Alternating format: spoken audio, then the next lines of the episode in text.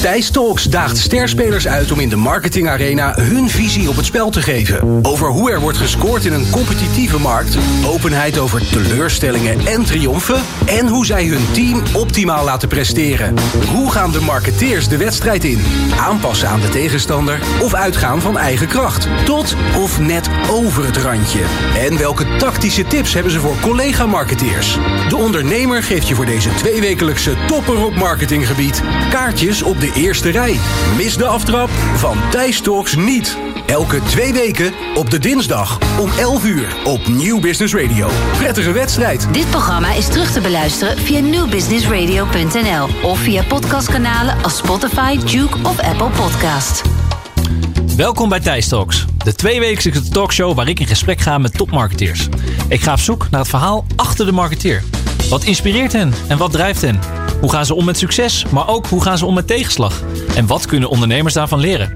Deze show gaat over de marketeer als speler en hoe hij of zij beweegt in het marketingspeelveld. Hoe zit de marketeer in de wedstrijd? Wat is de strategie of tactiek om het verschil te maken met de tegenstander? In de komende uitzendingen ga ik op zoek naar mijn elftal van topmarketeers. Mijn selectie die met elkaar het verschil gaat maken in deze competitieve industrie. Want marketing is nu eenmaal topsport. Een eeuwige strijd om de competitie voor te blijven. En vandaag hebben we het merk Avas te gast in de studio. Avas Software is een Nederlands IT-bedrijf wat bedrijfssoftware ontwikkelt. Een echt familiebedrijf. En zoals dat zelf zeggen, een beetje gek, een tikkeltje eigenwijs, maar vooral vol met passie als het gaat om het servicen van hun klanten en het inspireren van ondernemers. Avas helpt haar klanten met hun ERP-software om de bedrijfsprocessen te vereenvoudigen. Dit zodat ondernemers meer tijd hebben voor waar het echt om draait: het ondernemen. Ze zijn de laatste jaren vooral bekend van grote sponsorsamenwerkingen met onder andere Avas Live, het Avas Circus Theater en natuurlijk als hoofdsponsor van voetbalclub AZ. Maar genoeg voorbeschouwing. Wij staan klaar voor de aftrap. En vandaag hebben we niemand minder dan Martijn Delahaye, directeur marketing en communicatie bij Avas te gast. Hoe zit hij in de wedstrijd? En wat is zijn strategie om de concurrentie te slim af te zijn? Martijn, welkom in de studio. Ben je klaar voor de wedstrijd? Absoluut Thijs. Leuk om hier te zijn. Hey Martijn, kun jij ons meenemen? Wat is nou precies de rol van de directeur marketing communicatie bij AVAS? Vertel ons daar eens wat meer over. Nou, traditioneel was dat een rol die heel erg bezig was met nieuw business. Hè. Groeit, wil nieuwe klantengroepen, nieuwe sectoren aan je binden. Heel erg nauwe samenwerking met sales. We hebben ook altijd gezegd, sales is een aparte discipline, marketing ook. Dus er is een salesdirecteur en een marketingdirecteur. Wij geloven niet dat dat dezelfde persoon kan zijn. Het is echt een heel ander speelveld. Uh, en, en in de loop van jaren is daar heel veel bijgekomen. Klantsucces is erbij gekomen, evenementen, sponsoring. Nou ja, eh, we rollen van de ene naar de andere verbazing. En dat vind ik het leukste aan mijn werk. Geen dag is hetzelfde. Ik mag me met ontzettend veel dingen bemoeien. Dat, uh, dat vind ik heel leuk. En nou, ik vind het ook heel mooi om dat met een team te doen, wat ook constant bezig is en heel erg nieuwsgierig is om ja, vanuit de markt te kijken van hoe kunnen wij zoveel mogelijk bedrijven aan ons binden door ze te automatiseren met die software en ervoor te zorgen dat zij ook leuke dingen kunnen doen, omdat wij die saaie, foutgevoelige klussen automatiseren. Een dynamische job uh, klinkt Martijn. Nou, daar gaan we het zo uh, uitgebreid over hebben. Martijn en ik gaan beginnen aan de warming-up, want de eerste helft gaat zo van start. Thijs Talks. De eerste helft. Jawel, de scheidsrechtersfluit heeft geklonken. De eerste helft gaat beginnen. Nou, Martijn heeft zichzelf al heel even kort uh, verteld wat hij precies doet bij AFAS. Maar ik wil beginnen met de eerste vraag stellen aan jou, Martijn, die ik uh, eigenlijk aan al mijn gasten stel. Hoe zag je afgelopen week eruit? Was best wel hectisch op meerdere vlakken. Met name omdat wij in de laatste fase van het jaar zitten, zijn we altijd bezig met de plannen voor volgend jaar. Ik vind het altijd leuk bij AFAS dat als ik met mijn team bezig ben met de plannen voor 2021 in dit geval, dat de meeste van die plannen al lopen, dat we het eigenlijk al zijn doen. Het is ook de tijd van het jaar waarin we de gesprek hebben met de medewerkers. Uh, hoe was je jaar? Wat heb je geleerd? Wat had je anders willen doen? Dus ik heb zelf, uh, maak ik nu 30 wandelingen met mijn, mijn, teams, of met mijn medewerkers uit de teams. Uh, dat was met kou, dat was met mooi weer, was met heel veel regen ook. Dus het is echt een hele gekke week. Heel veel verschillende dingen. En het einde van het jaar is altijd hectisch. Het enige wat een beetje rust brengt nu, is dat ik normaal ook veel wedstrijden had, veel concerten, veel presentaties. Ja, en dat is natuurlijk stil komen te liggen. Dus ik ben wat meer thuis. En die rust is ook wel fijn eigenlijk. En uh, ja, we hadden het net natuurlijk voor de uitzending al even over. Het nieuws van uh, AZ. Hè? Dat is natuurlijk het stadion, uh, jullie stadion. Ehm, ja, Arne Slot die ontslagen is. Heeft dat nou ook invloed gehad op, jou, op jouw week? Nee, ik vind dat wel persoonlijk trek je dat wel aan. Want uh, ik snap de beslissing van de directie van AZ. Maar ik, ik snap ook dat, uh, dat, ja, dat een trainer uh, bezig is met de toekomst. En dat daar ook dingen spelen die wij natuurlijk niet weten als sponsor. Ik vind het ook wel echt iets wat is, tussen een werkgever en een werknemer. Alleen ja, het krijgt zoveel aandacht. En wij krijgen er ook niet veel vragen over. Hè. Mensen snappen echt wel dat AFAS daar geen rol in speelt. Maar het is toch jammer. En ik denk dat dit verhaal alleen maar verliezers heeft. Uh, en dat is, dat is iets wat je niet wil. Je wil bezig zijn met winnen, competitie. Uh, AZ is voor AFAS een heel mooi uithangbord. En het is toch altijd jammer dat er dan anders over gesproken wordt. Ja, en de eerste resultaten waren niet al te gunstig. Zo. Want uh, de eerste nou, wedstrijd uh, na de nieuwe trainer eindigde ze met negen man. Ik had je eigenlijk willen bellen voor een ander tijdslot, maar... Uh... Ja, nee, ik, ik begrijp het. Ik begrijp het. Maar goed, we gaan er niet te lang bij stilstaan. Want het gaat vooral over jou en als, als een marketeer in dit speelveld. Nou, je zei al dat je de afgelopen week 30 wandelingen hebt gedaan. Dus ik denk dat je, je ziet er ook vrij fit uit. Dank je. Maar um, hoe hou je je verder fit en in vorm in, in deze tijd? Hoe doe jij dat? Nou, ik loop minimaal per dag 10.000 stappen. Dat zijn er soms wel 15 of 20. Dat is nu niet zo moeilijk natuurlijk met die wandelingen. Ik vind het wat lastiger om echt te sporten in de coronatijd. Uh, maar daarom heb ik voor mezelf voorgenomen gezond eten, gezond bewegen, veel lekker naar buiten met de hond. Dat kan ook als je thuis werkt en die vrijheid hebben wij ook. En dat probeer ik ook door te geven aan de mensen in mijn team. Uh, ik uh, lees redelijk veel en ik luister heel veel podcasts. En ik moet zeggen dat als je in een bos loopt dat je een podcast kan luisteren of gewoon even lineair radio of gewoon soms helemaal niks. Even tot rust komen en mij ontzettend weer oplaat, de batterij volzet, mentaal ook heel belangrijk is voor me. Dus ik vind het gewoon heel belangrijk om daarmee te spelen. Ik heb niet één ding wat voor mij werkt. Het is gewoon net hoe de week gaat. En wat is dan naast Thijs natuurlijk jouw favoriete podcast? Uh, ik heb eigenlijk drie soorten podcasts die ik volg. Eén is gewoon lekker lachen. Dat zijn uh, humor, uh, achtige podcast. Denk aan de Knorrenpot van, van Martijn Koning. Of uh, Sander en uh, hoe heet die? Uh, Jaap Reesema. Jaap Reesema. Met de podcast. Ja. Ik ben het er niet altijd mee eens, maar ik vind het wel lachen. Daarnaast heb ik altijd een lijstje met marketingdingen, ontwikkelingen. Mark Ritson bijvoorbeeld vind ik heel fascinerend. Gewoon echt een stukje vakinhoud. En de derde is een beetje sport volgen. Een beetje het geouwehoeren over de voetbal. En nou, misschien ook wel wat podcasts die gaan over mooie verhalen. He, er zijn ook wel eens thrillers die ze inspreekt. Vind ik ook heel leuk. Dus ik heb eigenlijk drie soorten podcasts die ik voor mezelf een beetje volg. Mooi. Maar ik probeer er niet te streng in te zijn. Want dan ga je weer lijstjes maken van ik moet dit en moet dat. En daar ben ik niet zo goed in. Want als ik een lijstje maak, dan moet ik het volgen. Dus ik probeer af en toe ook een beetje dingen te Het lijstje los te laten. Zeg ja, maar. ja. En um, waar haal je dan, nou ja, je zegt al, daar haal je dus je inspiratie vandaan. Je had het ook al over dat je heel veel leest. Wat is nou het, het meest uh, inspirerende boek wat je de laatste tijd hebt uh, gelezen? Om uh, te zeggen van nou, dat Thijs, dat moet je echt lezen. Uh, het laatste boek van Obama. Nou, niet het laatste boek, maar het boek wat er al was. Wij mochten hem natuurlijk in 2018 naar uh, Avals Live halen. En hebben hem persoonlijk ook mogen ontmoeten, een hand mogen geven. Ja, dat was wel echt een life-changing event. En ik ben natuurlijk maar een van de duizenden die hij op die manier heeft ontvangen. Maar voor mij was het echt heel groot en heel, heel mooi om mee te maken. Ik vind dat een fascinerende kerel. En uh, ja, hoe hij praat, zo schrijft hij ook. En dat is wel, ja, vind ik wel echt mooi om, om in die wereld een inkijkje te krijgen. Mooi. Interessant. Nou, ik, uh, ik, jullie zijn natuurlijk ook bezig met uh, de Cruyffiaanse musical. De musical over Cruyff, nummer 14. Um, nou, in mijn onderzoek naar jou kwam ik ook een paar Martijniaanse spreuken tegen. Dus die wil ik in het kader van Cruyff wil ik heel even gewoon tegen je aanhouden. Van hoe je dat uh, bedoelt. Jij zegt, nou, ik, ik moet er een eentje. Ik begin met deze. Die vond ik het meest fascinerend. Duik weg van je spreadsheet. Excel is al te lang de baas in marketing. Die zei volgens mij in CMO ook met Klaas Wijma. Kun je daar iets over zeggen wat je daarmee bedoelt? Ja. Ja, elk jaar kiezen team en ik een beetje een soort marketingthema om een beetje te bashen richting de marketing scene. Hè? Want we zijn natuurlijk heel goed in het verzinnen van nieuwe thema's. En als we dat doen, moeten we met z'n allen erover praten en roepen, moeten we het gaan doen. En je ziet in de praktijk dat dat vaak niet werkt, omdat het tegen de cultuur van het bedrijf ingaat, of dat het toch misschien een Amerikaanse stroming is. En ik vind de laatste jaren dat we te veel zijn gaan kijken naar het feit dat als je in Excel je feiten hebt in marketing, data-driven, big data, al dat soort thema's. Het is heel belangrijk, maar het is niet leading. Ik vind, hè, je moet eerst luisteren naar je onderbuikgevoel en dan moet je de data erbij pakken om te kijken hoe je dat in een mooie mix kan vormen. En heel veel merk ik gewoon, zeker ook met jonge marketeers, dat ze aangaan van wat staat er in Google, wat staat er op online, wat staat er in mijn Excel sheet. Hoe ga ik verantwoorde aflegging aan een CFO? Omdat alles wat we doen moet een ROI hebben. Dus ik vind dat soms, nou, vaak bij heel veel bedrijven, Excel een beetje de basis geworden voor marketing. En gut feeling, gewoon ondernemerschap. Ja, je hebt een gevoel bij iets en we gaan dat eens onderzoeken. En op een gegeven moment komt zeker data daarbij. Hè, maar uh, ik, ik wil het niet bagatelliseren, maar wel in die volgorde. En bij zoveel bedrijven of bij in teams of bij marketingverhaal zie je dat het gewoon omgekeerd is. Ja, ik, denk, ik vind dat geen goede ontwikkeling. Nee, en dat sluit ook een beetje aan bij de twee spreuken die ik eigenlijk samenvat. Hè? Data gedreven, maar liever data inspiratie. En, en deze vind ik ook wel mooi. Uh, niet alles wat je digitaal kan doen, moet je ook digitaal doen. Uh, hoe pas jij dat dan toe in jouw. Hoe, hoe inspireer je jouw team daar dan in? Of jouw mensen? Of hoe doe je dit überhaupt zelf? Nou ja, ik heb uh, voor coronatijd altijd gezegd dat ik van mijn marketeers verwacht dat ze minimaal één dag in de week buiten zijn. En buiten bedoel ik bij klanten, bij uh, um, brancheverenigingen, um, uh, groepen klanten, presentaties geven. Wees nieuwsgierig en sta rechtstreeks in contact met, met de buitenwereld. Marketing kan heel snel een ivoren toren worden. Dat je vanuit je onderzoek allerlei conclusies gaat verbinden. En dat je de raakvlakken met voor wie je het eigenlijk doet. Dat zijn klanten of prospect of andere stakeholders. Dat je die verliest. Dus 20% van je werk ben je buiten. Je bent mega nieuwsgierig. En je verplaatst je altijd in de vraag. Wat vindt mijn klant ervan? Hoe voelt een klant zich daarbij? En dat je die daarna inspireert met allerlei andere dingen die erbij komen. Onderzoeken, inspiratie, vakgenoten is helemaal prima.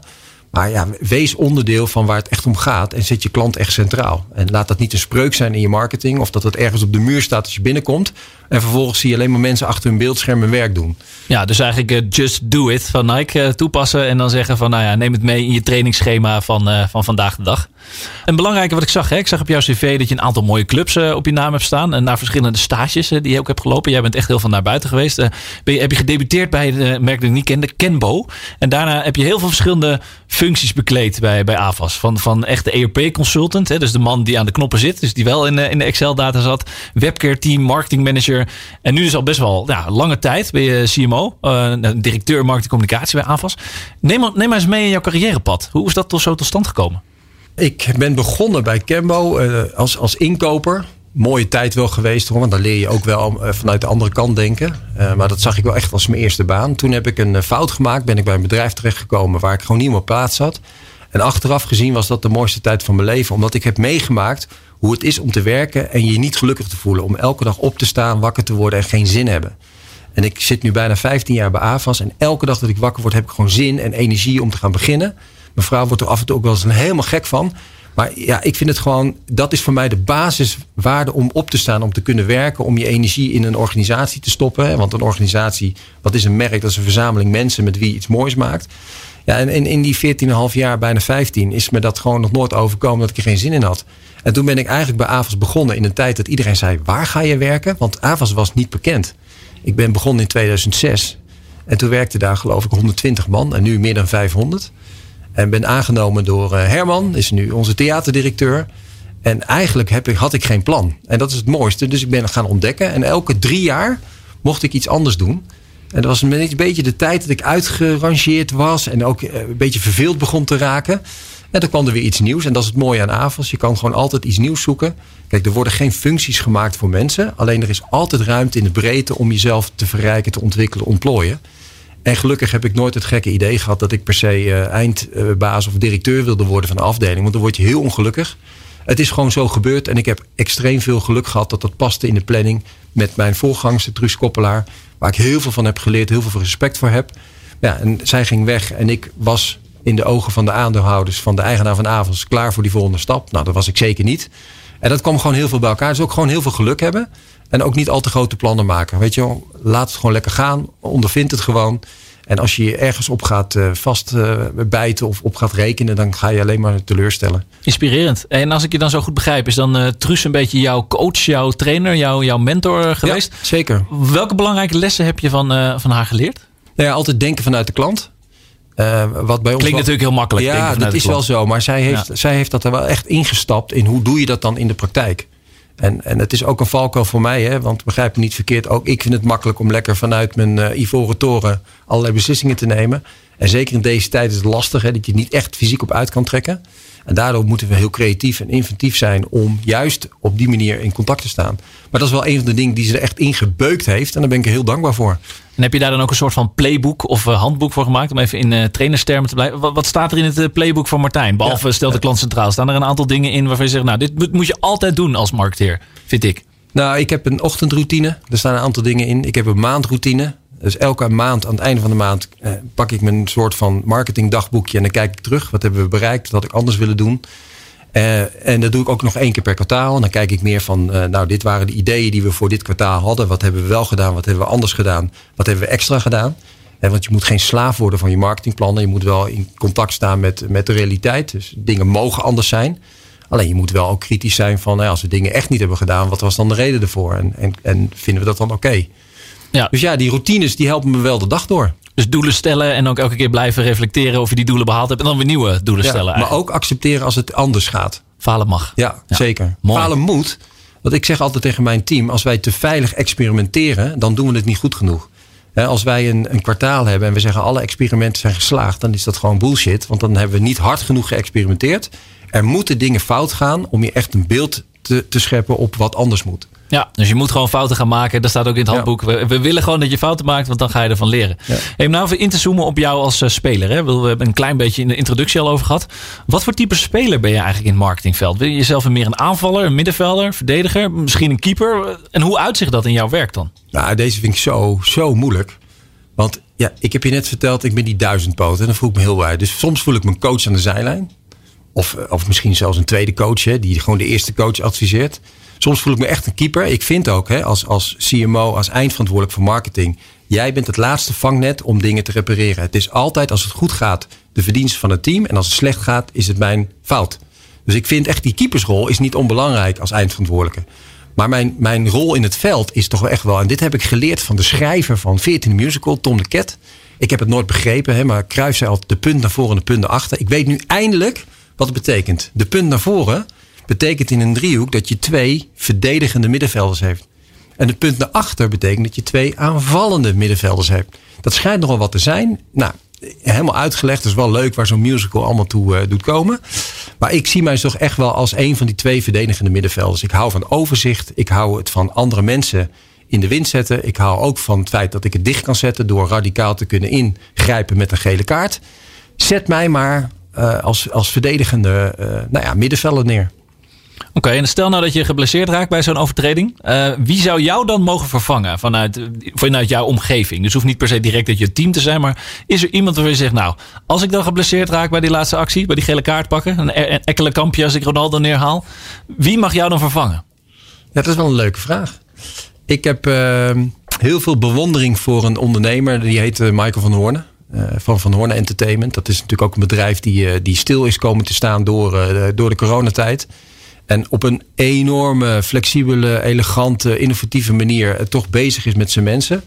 Uh, ik zal niet zeggen dat, uh, dat, dat ik me met hem wil vergelijken, absoluut niet. Hij is echt een ondernemer. Ik zie mezelf meer als marketeer. Maar hem als persoonlijkheid op die plek, omdat ik weet dat het dan altijd goed komt.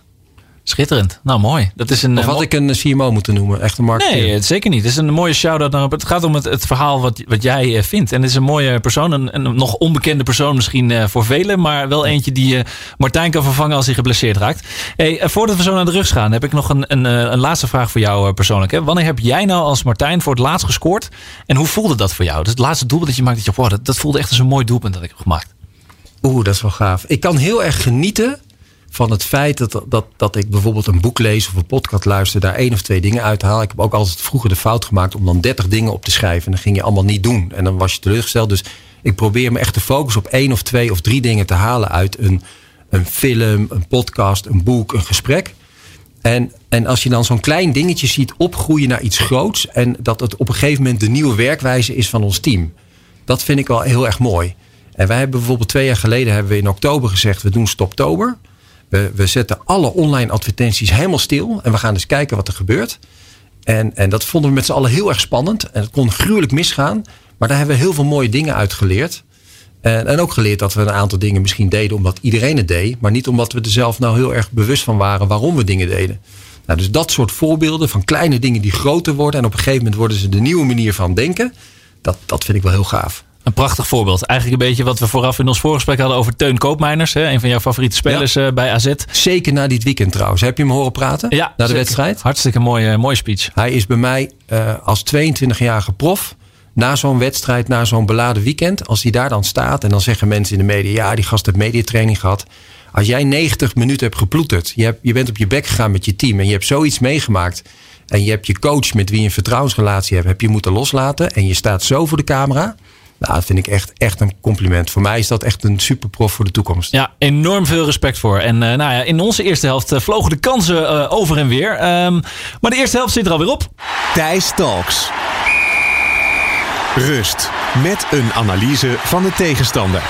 De tegenstander van deze week is... Niemand minder dan mijn podcastmaat en goede vriend Daniel Kok.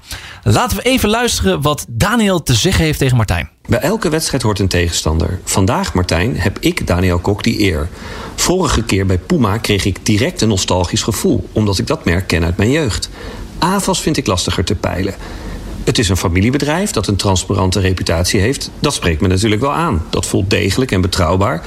Maar als ik als consument kijk, wat zie ik dan? Voetbal, musicals, muziek. Oké, AVAS lijkt een voorvechter voor entertainment. De cultuursector is daar natuurlijk blij mee. Maar waarom eigenlijk? Ik snap dat AVAS graag CEO's en accountmanagers uitnodigt om ze te verteren. Maar als consument weet ik niet zo goed wat ik met AVAS aan moet. Dus ik ben blijven zoeken en toen liep ik tegen iets aan.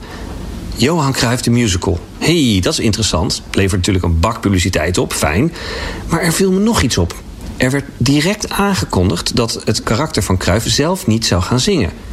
Kijk, en daar snap ik dan weer niks van. Johan, die met gespreide armen midden in Betondorp staat en galmend zingt. Maar dat is logisch. Dat is toch episch? Het opera-spook, de leeuwenkoning, Mary Poppins, de soldaat van Oranje, die doen dat toch allemaal? Oh ja, en dan nog iets, Martijn. Software wordt steeds slimmer, steeds geraffineerder. Gaat steeds meer schakelen en zelf nadenken. Maar er is een probleem. Thijs en ik hoorden een tijdje geleden dat sommige softwareoplossingen onbedoeld seksistisch zijn. Vrouwen worden benadeeld of bepaalde vrouwen-issues worden niet begrepen. Een tijdje geleden werd bekend dat een recruitment tool van Amazon mannen voor bepaalde banen de voorkeur gaf over vrouwen. Best wel zorgwekkend. En ook niet raar, want 90% van software wordt door mannen ontwikkeld. Martijn, kan jij met 100% zekerheid zeggen dat jullie systemen dit niet doen? En hoe gaan jullie als degelijk, transparant en betrouwbaar bedrijf ervoor zorgen dat er meer vrouwen in deze industrie terechtkomen? Dat was het. Doei! Ja, dat is een pittige vraagstelling. En dat is ja, onlangs ook ter sprake gekomen in onze podcast Bakkie Media. Dat uh, algoritmes seksistisch zijn. Ja, wat, wat is jouw reactie op de vraag van Daniel Martijn? Hoe gaan jullie dat doen? Hij stelde twee vragen. Het begon met Kruif. Ja, eerst met Kruif. Waarom gaat Kruif niet zingen? Dat was zijn eerste vraag. Welke wil je dat ik beantwoord? Nou, je mag ze allebei beantwoorden. We hebben de tijd. Dus uh, nou, waarom gaat Kruif niet snel zingen? met Kruif beginnen, anders gaan we dat vergeten. Kruif gaat wel rappen. Oh, net als in Hamilton. Ja, mooi. Dus wij vonden het heel Scoopje, leuk. dames en heren. Tom de Ket is natuurlijk de producent en regisseur. Ja, die wilde wel dat het iconische merk van Kruif bovenaan bleef. En je gaat natuurlijk altijd gezeur krijgen als mensen zeggen... hij ziet niet zuiver of hij haalt een bepaalde noot niet. Kijk, Kruif moet je ook denk ik niet denigreren... door hem als onderdeel te laten zijn van de zang. Maar zijn rappen, wij hebben wel dingetjes mogen horen. Dat wordt wel echt gaaf hoor. Komt dat zien, komt dat zien. Top. Ja, dan de belangrijke vraag. Dat is natuurlijk iets wat heel erg speelt in onze wereld. Kan ik garanderen dat dat in onze software niet zit? Nee. Het zit er ook in. Uh, en dat heeft ook te maken bijvoorbeeld met het feit dat uh, uh, er gewoon een historie is in de software. We zijn er keihard mee bezig. We willen het op een hele integere manier aan, aanpakken. Zelf gebruiken wij dan ook geen algoritmes hiervoor. Wij vinden bijvoorbeeld als je een sollicitatie hebt dat je heel efficiënt kan zijn door dat door een algoritme laten oplossen. Alleen daarmee schakel je weer de menselijke factor uit. Hè? Dus als wij kijken naar wat wij daar zelf voor ontwikkelen of hoe we dat zelf gebruiken, zeggen wij juist dat is en blijft mensenwerk. Wij zullen daar niet zomaar een algoritme of big data op zetten. Want het is inderdaad een gevaarlijke ontwikkeling. En merken jullie ook dat er nu um, meer vrouwen bij jullie komen werken? Ik begreep ook van nou, eerdere gesprekken van Bas en van jou... dat er heel veel, heel veel mensen graag bij jullie komen werken. Hè? Veel jonge mensen. Zie je nou ook de shift dat een soort female empowerment uh, gaande is? Zeker. Toen ik bij AVAS kwam, 15 jaar geleden, waren denk ik 10% vrouwen. En nu zitten we op uh, bijna 28%. Dat is nog lang niet wat het zou moeten zijn. Hè? Want dat moet echt 50-50 zijn. Of, of liever nog meer vrouwen. Want ik vind ook vrouwen in mijn marketingteam zitten meer vrouwen in dan mannen. En dat is hartstikke mooi, want je ziet gewoon dat die vrouwelijke kant, die aandachtskant, die empathische kant veel krachtiger wordt. Vrouwen zijn denk ik misschien ook wel betere marketeers dan mannen op dat vlak. Nou, dat moet binnen heel AVA zo worden. Het nadeel is alleen dat het, het vak van programmeur worden of programmeur zijn, dat is, dat is wel is echt iets waar we nog een hele lange weg aan te gaan hebben. Wil het aantrekkelijker worden voor vrouwen?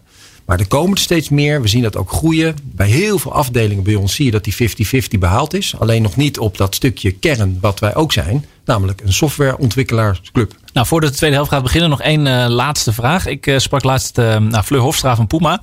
En die hebben een Puma Academy. komt er ook zoiets als een AVAS Academy voor, voor vrouwen? Moet ik dat die zien? is er al. Nou, er is al heel lang een, een AVAS Academy. Academy. Alleen dan niet voor ladies only. Nee, nee mannen en vrouwen. Everyone, iedereen, ja. jong, oud, iedereen is welkom. Wat je wel ziet is dat we dat een van de mooie samenwerkingen is van AZ. Dat we heel erg gekeken hebben naar wat is nou het, het, succes van AZ. Dat is een eigen jeugdontwikkeling en de jeugdacademy. Daar hebben wij heel veel ingrediënten van gekopieerd. Uh, wij, ons, wij nemen ontzettend veel mensen aan. Hè. Dit jaar alleen al hebben we 60 mensen aangenomen. Veelal mensen die beginnen een eerste of tweede baan bij AVAS. Ja, die doorlopen dan ons traineeship, onze academy. Er zijn er twee. één voor sales, één voor consultancy.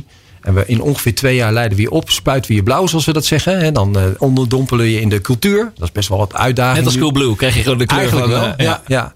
En dan, ja, het is niet alleen dat je mensen meeneemt in je productkennis, je organisatiekennis, je normen en waarden, maar ook je cultuur, hoe je praat, dat je weet wat een surchance van betaling is. Gewoon gepokt en gemazeld klaarmaken voor je vervolgbaan bij AFAS. En dat is een heel groot succes. En dat doen we inmiddels al jaren. Alleen de laatste paar jaar hebben we dat plakje, het stickertje Academy opgeplakt. Omdat het natuurlijk wel lekker bekt. Ja, precies. De AFAS Academy. Ja. Lekkere alliteraties. Ja. Nou, mooi. Neem nog even een slokje van je koffie. Uh, want uh, de tweede helft gaat zo van start. Thijs Talks. De tweede helft. Zo, de thee zit erin, de koffie zit erin. Uh, ja, de rust zit er alweer op. En we gaan alweer beginnen aan de tweede helft naar een uh, pittige vraag van uh, goede vriend van de show, Daniel Kok. Martijn, we hebben in de eerste helft vooral gesproken over jou als persoon, hè, over jouw ontwikkelingen, nou ja, ook over, jou, uh, nou, hè, over jouw carrièrepad, wat voor type speler je bent. Je hebt nog een beetje moeite met uh, je positie bepalen. Je hebt wel een voorzetje gedaan, maar... Ik kan eigenlijk geen keus maken. Ja, jij kan geen keus maken. Wat me opviel, hè, wat, je, wat je dus zei, en dat, uh, ja, dat je overal op het veld tegelijk aanwezig kan en wil zijn. Hè, van de keeper tot, tot op het middenveld, tot toch die box-to-box. Maar toch wel een, ja, ik, ik moet toch ook wel zeggen als merk, kijk, AVA is natuurlijk wel een beetje een afvallend merk. Hè. Je bent wel bezig met een soort box-to-box uh, spelen met long als een paard. Uh, tenminste, ook, uh, je hebt natuurlijk veel gezegd in de eerste helft. Maar wat mij vooral ook opviel toen ik, toen ik bezig was met de wedstrijdvoorbereiding... voordat wij hier aan tafel zaten met elkaar... was een beetje jouw lijfspreuk. En dat deed me heel erg denken aan, we hebben Martiniaans, Cruyffiaans, we hebben nu Caesariaans, de Veni Vidi Vici van Martijn, dames en heren. Die staat voor vinden, veroveren en verrassen.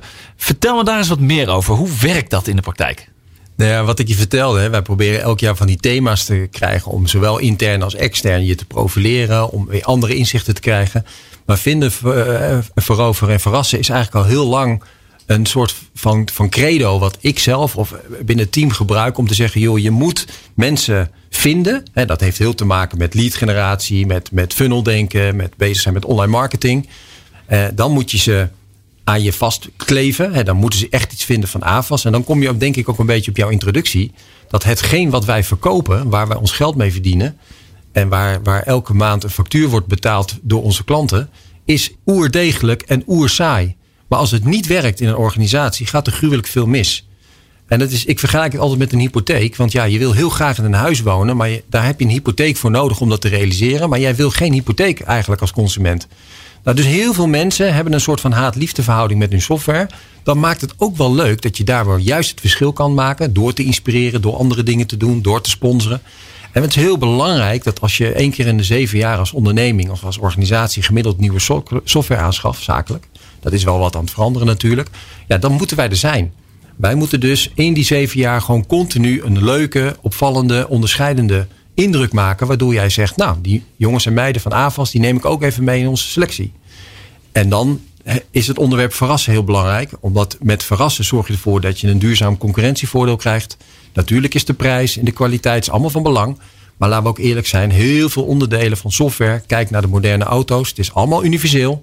De een doet dit goed, de ander doet dat goed. Wij zijn natuurlijk helemaal gek van onze eigen software. Maar we hebben alleen al op het domein financiële software 300 concurrenten in Nederland. Dus je moet je onderscheiden, je moet opvallen, je moet verrassen. Nou ja, als je dus iemand vindt, je verbindt hem aan jou en je verrast continu. Ook op het moment dat iemand klant is. Dus niet blij zijn als iemand klant is en dan op zoek gaan naar een nieuwe klant. Nee, ook echt een programma wat we nu ontwikkeld hebben, wat al een paar jaar draait om echt van klanten fans te maken dan denk ik dat je iets hebt wat binnen marketing ook altijd inspirerend kan zijn. Zowel intern als extern. Ja, dit is eigenlijk de customer journey van AVAS. We hebben, nu de drie, we hebben net de drie V's eh, genoemd. Het is eigenlijk de vierde V, die ontbreekt nog. Dus voor de volgende keer als ik jou spreek, is jouw lijfspreuk met uh, verbinden erbij. Dus dan hebben we vinden, veroveren, verrassen en verbinden. In plaats van het uh, oudbollige AIDA-model. Maar het moeten er drie zijn, hè? dat weet je. Hè? Ja, het is Slogans, missies met drie zijn gewoon Steve Jobs heeft ons altijd verteld dat je... Het is a phone, it's an app, it's an iPhone. Ja, nee, we hebben het altijd de rule of three. Maar goed, dus misschien moeten we eentje vervangen dan. Dat vinden heb je dan al weggehaald en dan heb je ze veroverd en verrast. Weet je, dat is natuurlijk jullie doel.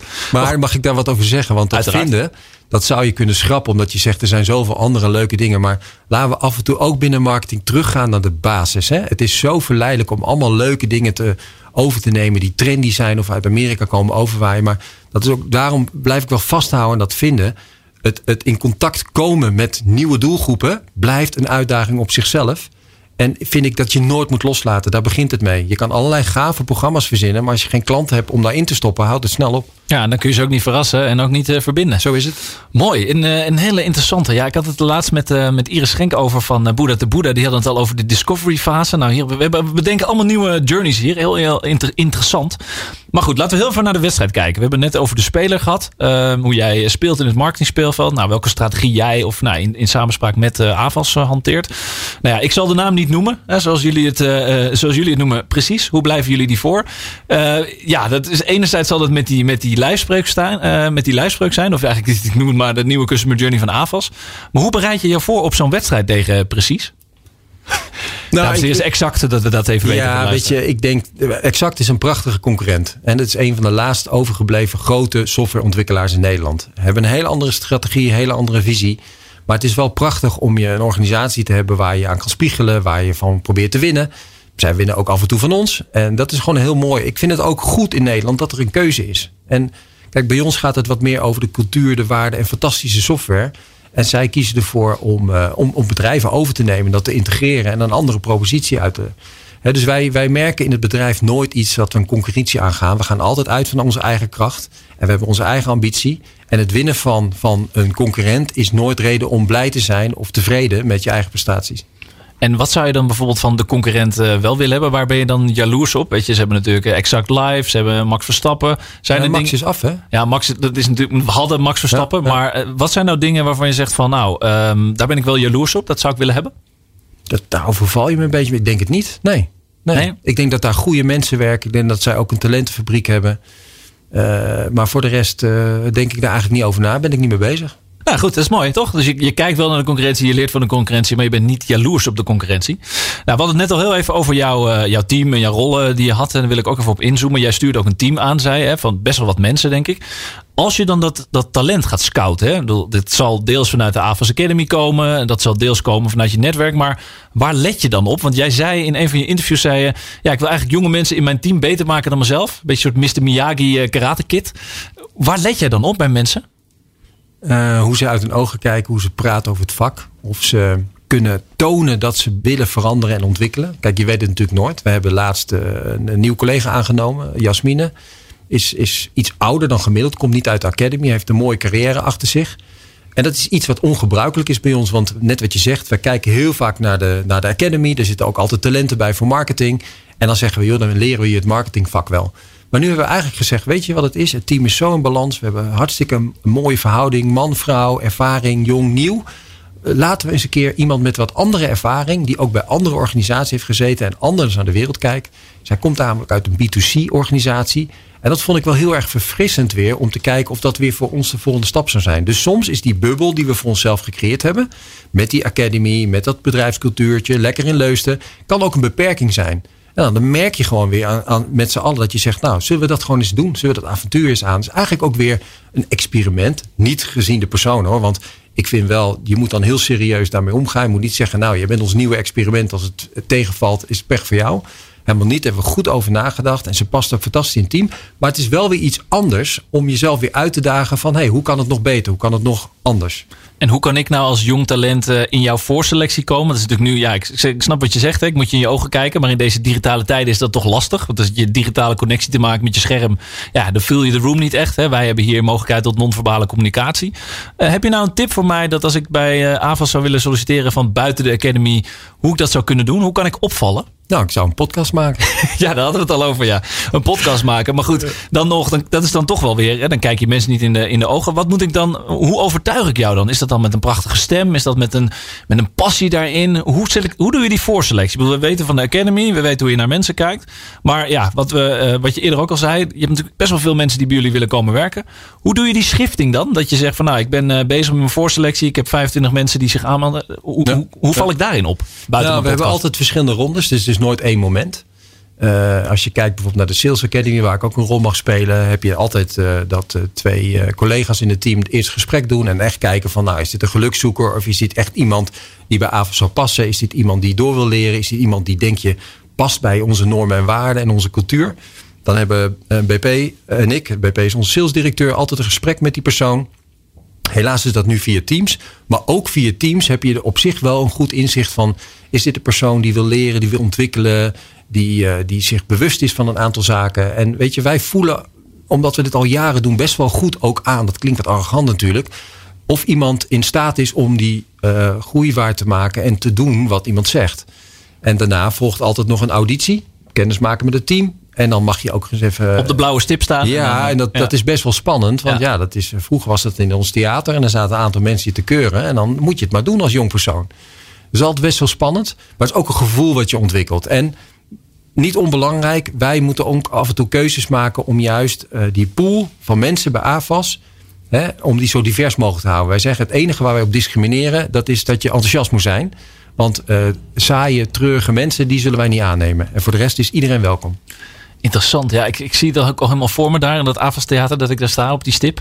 Um, en jij, ja, je, je bent een, veelzijdige speler, zoals ik je nu hoor. En heb je nou ook een favoriete medespeler in jouw team? Waarmee je zegt, nou, daar kan ik mooie 1-2'tjes mee maken. Je staat natuurlijk op het middenveld. We hebben net gezegd, punten voor, punten achteren. Ja, dat is afhankelijk natuurlijk van uh, tegen wie je speelt. Hè. AZ tegen Groningen was niet het juiste voorbeeld.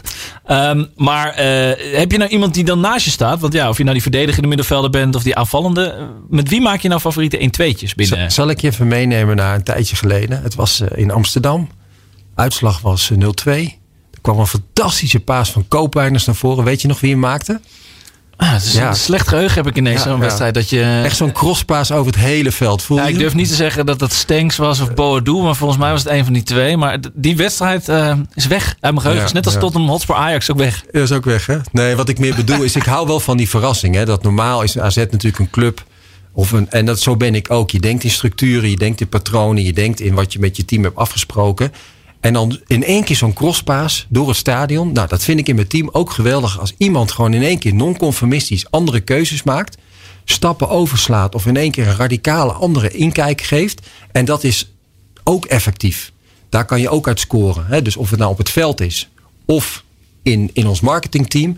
Ik hou wel van die verandering. Ik ben ik, ben, ik heb een beetje een broertje dood als je zegt, nou dit is een plan en dan gaan we ons als een militaristische organisatie aan houden. Wij zijn net zoals alle andere organisaties dat je zegt, we maken een plan en we weten nu al dat 50% wat erin staat gaan we sowieso niet doen.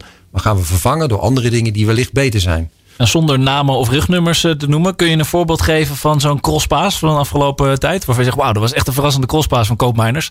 Ja, toen werd hij wel weggekopt door Daily Blind misschien, maar goed. Ja. Nee, in ons team uh, hadden we het er bijvoorbeeld over dat uh, nou, op 12 maart was natuurlijk de aankondiging van, uh, van de overheid. Mensen, we gaan thuiswerken. En op 13 maart stond bij ons het eerste online webinar klaar. Hè? En, en toen zei ik nog tegen ons. Dat is wel indrukwekkend. Ja, toen zei ik tegen onze ICT-manager. Van nou, wat fijn, fijn dat je die techniek al op orde hebt. Hij zegt, Martijn, dit is er al anderhalf jaar, maar je hebt het nog nooit nodig gehad. En dat is een voorbeeld van het feit dat je door goed voor te bereiden, anders te denken, er klaar voor kan staan. Maar ook dat je dan uiteindelijk blijkt in die tijd of je een goed team hebt. Iedereen kan omgaan met succes. En dat was bij Avos misschien ook wel een uitdaging. Hè? Jaar na jaar ging het gewoon goed. We groeiden gestaag. Hadden we grote uitdagingen? Nou, misschien wel op het persoonlijk vlak. Mensen die ziek werden, mensen die ons ontvielen. Dat was gewoon het heftige wat we meemaakten. Dus deze crisistijd, deze coronatijd, heeft ons ook wel weer beter gemaakt. En heeft ons laten zien dat we in één keer dingen konden aanpakken. Wij hadden al twee jaar lang een programma om consultants minder kilometers te laten rijden. En in één keer door corona is het opgelost. Kunnen we wel vanuit huis klanten implementeren. En dat, voor die tijd hoorde natuurlijk het verhaal, ja, maar dat gaat niet, want ik moet naar mijn klant. En door een externe inbreuk, hoe vervelend dat ook is, want ik snap heel goed, hè, wij zitten in een goede situatie met AVAS. Bedrijven hebben software nodig om te groeien of te overleven. Eh, maar ik snap heel goed dat er heel veel organisaties zijn. Kijk naar de horeca, evenementenbranche. En we hebben natuurlijk met onze sponsorschappen ook mee te maken die het ontzettend, ontzettend zwaar hebben. Maar dat je dan toch ook die tijd gebruikt om daar organisatorisch als bedrijf beter van te worden. Uh, ja, dat is wel echt mooi om mee te maken dat dat ons als bedrijf verder heeft gebracht. Ik voel weer een uh, V aankomen. Vooruitzien is vooruitdenken. Uh, past dan weer bij de, de V-strategie. Veranderen. Veranderen. Ja, we kunnen nog doorgaan. We hebben straks het 7V-model van Martijn en Thijs. Hey, nog, ehm, ehm, we hebben natuurlijk heel erg succesverhalen, mooie wedstrijden, mooie crosspasen. Ik, ik ben ook even benieuwd naar um, ja, wat, de wat een wedstrijd was. En dan kan dat bij AFAS zijn of bij een andere partij waar je hebt gewerkt. Wat was nou de wedstrijd met de grootste teleurstelling? Waarvan je echt dacht, jeetje, Mina, mijn een beetje mijn Ajax Tottenham Hotspur. Wat was jouw uh, grootste teleurstelling? Poeh. Dit zijn wel de goede vragen, want je doet me nadenken. En dat is, dat is wel. Fijn, fijn te horen. Ja, ik, nou ja, weet je, het goedkope antwoord is dat dat gelukkig niet vaak gebeurt. En daarmee weerspreek ik mezelf dat we dan wellicht ook niet uh, ons te veel uitdagen om echt het extreme eruit te halen. Kijk, als je kiest naar ons, kijkt naar onze strategie met de sponsorschappen, dan kiezen we voor langlopende samenwerkingen. Wij geloven er niet in dat als jij als merk een half jaar op het shirt gaat van een eredivisieclub en daarna stopt, dat je doelstellingen bereikt. We zijn nu elf jaar sponsor van, uh, van AZ. Uh, met Avas Live ligt een contract van 10 jaar. Avas Circus Theater hebben we recent ook weer verlengd met drie jaar. Doen we ook al sinds 2011. Dus wij zijn van de lange termijn. Wij zijn van het feit dat je iets moet opbouwen en dan moet uitontwikkelen. Uh, en, en dat kan misschien soms ook wel een, een, een, veilige keuze zijn. Dus dat gebeurt ons niet, denk ik niet heel erg vaak. Um, ik denk dat het het meest gebeurt op het moment dat je persoonlijk leed ervaart van je mensen uit je team. Dat er gewoon iets gebeurt met een medewerker, verdriet of het feit dat het niet werkt. Of, dat, dat grijpt mij wat meer aan dat het over draai, uh, droge marketingkost gaat. Dat gebeurt denk ik niet zo heel vaak. Ik kan niet een voorbeeld oproepen. Nou ja, positief toch? Ik bedoel, positief dat je nog niet eh, dusdanige teleurstelling hebt meegemaakt. Hey, we hebben natuurlijk nu die sponsorships. Hè. Je hebt nou ja, Avas Live hebben we het over gehad. Uh, eh, AZ, het Circus Theater. Hebben jullie nog een wens waarvan je zegt... hey, dat, dat mist nog een beetje aan onze AVAS-portfolio... als we het dan hebben over een dream, Theater of Dreams? Nou, we hebben nog altijd een focus op Nederland. Hè? Dus op het moment dat je zou zeggen... AVAS gaat Europa veroveren, wat absoluut nog niet speelt... dan, dan gaan natuurlijk andere dromen ontstaan. Maar we kiezen voor die lange termijn. We kiezen voor het feit dat we iets willen opbouwen en uitmelken. Of uitnutten, dat is een positieve woord. Maar wat er natuurlijk wel speelt, is dat als je zo'n evenement doet met Obama, dat je denkt van wauw, dit is wel vet hé. Uh, uh, kijk, je gaat ons niet de volgende wereldleider uit Amerika zien overhalen. Want, ik weet niet hoe lang die er nog zit, Biden mm, natuurlijk. Ja, nou ja, Biden mag komen. Ja. Maar ik weet niet of hij dat haalt. Nee, precies, dat bedoelen we. Ja, of hij het nog haalt. Nee, maar die voorgaande die hoeft niet hoor. Nee, nee Trump, nee. Nee, maar dat, dan zie je wel dat je zo'n eenmalig eendags evenement met zo'n grootheid. Nou, ik zou ook nog wel Elon Musk naar Nederland willen hebben. Of Jack Ma, ja, misschien wat politieke uh, andere kant van China. Maar ja, dat vind ik wel fascinerend wat, wat voor zo iemand heeft meegemaakt. Gaaf. Ja. Nou, de laatste vraag voordat we naar de penalty-serie gaan. En gaan kijken of jij uh, naast een dynamische middenvelder ook een penalty-specialist bent. Als jij nou een reclamebord mag kopen in het AZ-stadion. Wat zou daarop staan? Dan zou ik dat weggeven aan een goed doel. Omdat ik vind dat wij als AVAS al voldoende zichtbaarheid hebben. Uh, en ik, ik, gun graag andere organisaties ook die zichtbaarheid. Omdat de impact met een vol stadion, die kan aanzienlijk zijn. En welk goed doel? Heb je daar een voorbeeld van? Van je zegt, nou, dat is mijn goede doel? Nou, ik heb zelf een goed doel wat ik, uh, waar ik geld voor vraag als ik een presentatie voor mag geven. Mensen zeggen, joh, we willen er iets voor geven. Dan zeg ik, nou, bespaar dat. Maar maak dan geld over aan uh, Stichting Uitgestelde Kinderfeestjes.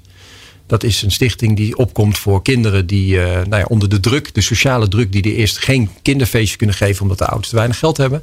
En die stichting zorgt ervoor dat er toch een kinderfeestje georganiseerd mag worden.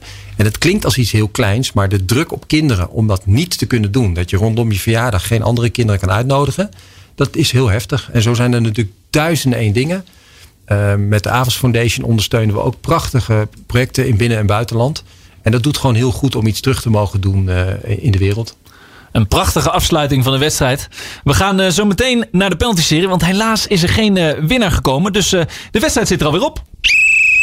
Ja, de wedstrijd zit er alweer op, dames en heren. Het was een prachtige wedstrijd. Kansen over en weer. Maar helaas, het is gelijk spel. En er moeten strafschoppen aan te pas komen om de winnaar te bepalen van deze editie. Ja, de penalty shootout quiz. Martijn, je krijgt vijf penalties in de vorm van vragen om jouw kennis van het marketingspeelveld te testen. Waarbij je dus wel de hoek moet kiezen. Hoeveel penalties schiet je raak? Hoeveel kennis heb jij van het vakgebied waar je werkt? En ben jij eigenlijk misschien wel de penalty specialist waar ik naar op zoek ben? Spannend hè? Is toch nog altijd een hoogtepunt. Ja, de adrenaline gaat omhoog. Ik zie dat Oeh. Martijn een beetje eh, rood wordt. Die is toch een beetje denkt, oeh, hoe gaat het worden? Even mijn keepershandschoenen aan. Even de keepershandschoenen. Ja, je moet nu schieten. Dus het is niet dat je ze moet stoppen. Eh, we beginnen met de allereerste penalty. eh, om te kijken of je de penalty-serie positief ingaat. Wie was de marketeer van het jaar in 2019? Dus dit jaar weten we het nog niet. zijn nominaties. Maar wie was de marketeer? Je moet het ergens wel weten. Wie was de marketeer van het jaar in 2019? Arno de Jong? Nee, helaas. Nee, het was Raymond Kloosterman van Rituals. Ja, Arno was. Jullie stonden samen in de, volgens Ja. mij in de top 3. Maar eh, Raymond eh, heeft. Andere eh, competitie. andere competitie. Ja, het is ook maar welke competitie je kijkt. Prachtige ondernemer ook. Prachtig ondernemer. Mag ik daar wel iets van zeggen? Zeker. Er is natuurlijk wel een verschil tussen ondernemers die ook marketeers zijn. En marketeers die dat echt dagelijks doen. Zeker. Dus ja, dat is. vind, onze CEO Bas is ook een fantastische marketeer. Maar het is niet zijn werk. Nee, ja, ja, goed. En het is natuurlijk ook wat ING had. Hè? Die zeggen van, nou ja, we, hebben, we stoppen met marketing. Het zit allemaal verheven. Dus het is ook eh, lastig. Het is natuurlijk welke prijs je kiest. Maar goed, eh, dit was van de marketingtribune en adformatie. Was Raymond Kloosterman eh, de winnaar. Dus deze penalty Ai. is helaas gemist. Het staat 0-1, maar er is nog niks verloren. Eh, want deze vraag, eh, de- misschien dat je hier een eh, grotere kans maakt. Ook dit is een kleine instinker, dus denk goed na voordat je je penalty neemt. Welk merk werd Marketing Company of the Year ook weer in 2019? Picnic. Helaas, ook naastgeschoten. Oei, oei, oei. Bol.com was het vorig jaar. Ja, Picnic zou dit jaar een hele goede kans maken, denk ik. Michiel Muller die, eh, doet goede dingen. en breidt flink uit. Dus misschien dat je... Maar Martijn is denk ik al een beetje bezig met de toekomst. Weet je wel, wie gaat het eh, winnen? Precies. Dus het is een beetje een eh, visionair. Hè? Fijn dat je me even helpt zo. Ja, nee, ik, ik help je graag. Ik help je graag. Nou, nu komt vraag 3. Nu gaan we ook wat meer richting eh, jouw eh, vakgebied. Dus we hopen dat deze penalties wat meer eh, in de hoek worden geschoten dan eh, naast getikt. Vraag 3. Wat is het meest waardevolle merk ter wereld? Dus in merkwaarde, gemeten door Forbes, het meest waardevolle merk ter wereld. As in nou, As in now. ja, dan ga ik toch stiekem voor Apple, denk ik. Yay! De eerste penalty zit erin hoor. Ja, het komt langzaam terug. Van eh, 0-2 naar 1-2. Het lijkt net AZ. Ehm, goed, we gaan naar de volgende vraag. En de- deze vragen, daar verwacht ik heel veel van, eh, van je Martijn. Ehm, ja, dit is iets wat ik eh, onlangs in het nieuws tegenkwam. Dus eh, correct me if I'm wrong. Maar ik, eh, ik formuleer het gewoon als de penalty zoals hier staat. Wat was de totale omzet van jullie concurrent Piep in het recordjaar dat ze hadden 2018? Dus wat was hun totale omzet in hun recordjaar 2018? Je mag er een paar miljoen naast zitten. Ehm, dat was een flink bedrag. Ik geef je een paar hints. Het is geen 10 miljoen. Maar wat was hun totale omzet in het recordjaar dat ze hadden? 430 miljoen?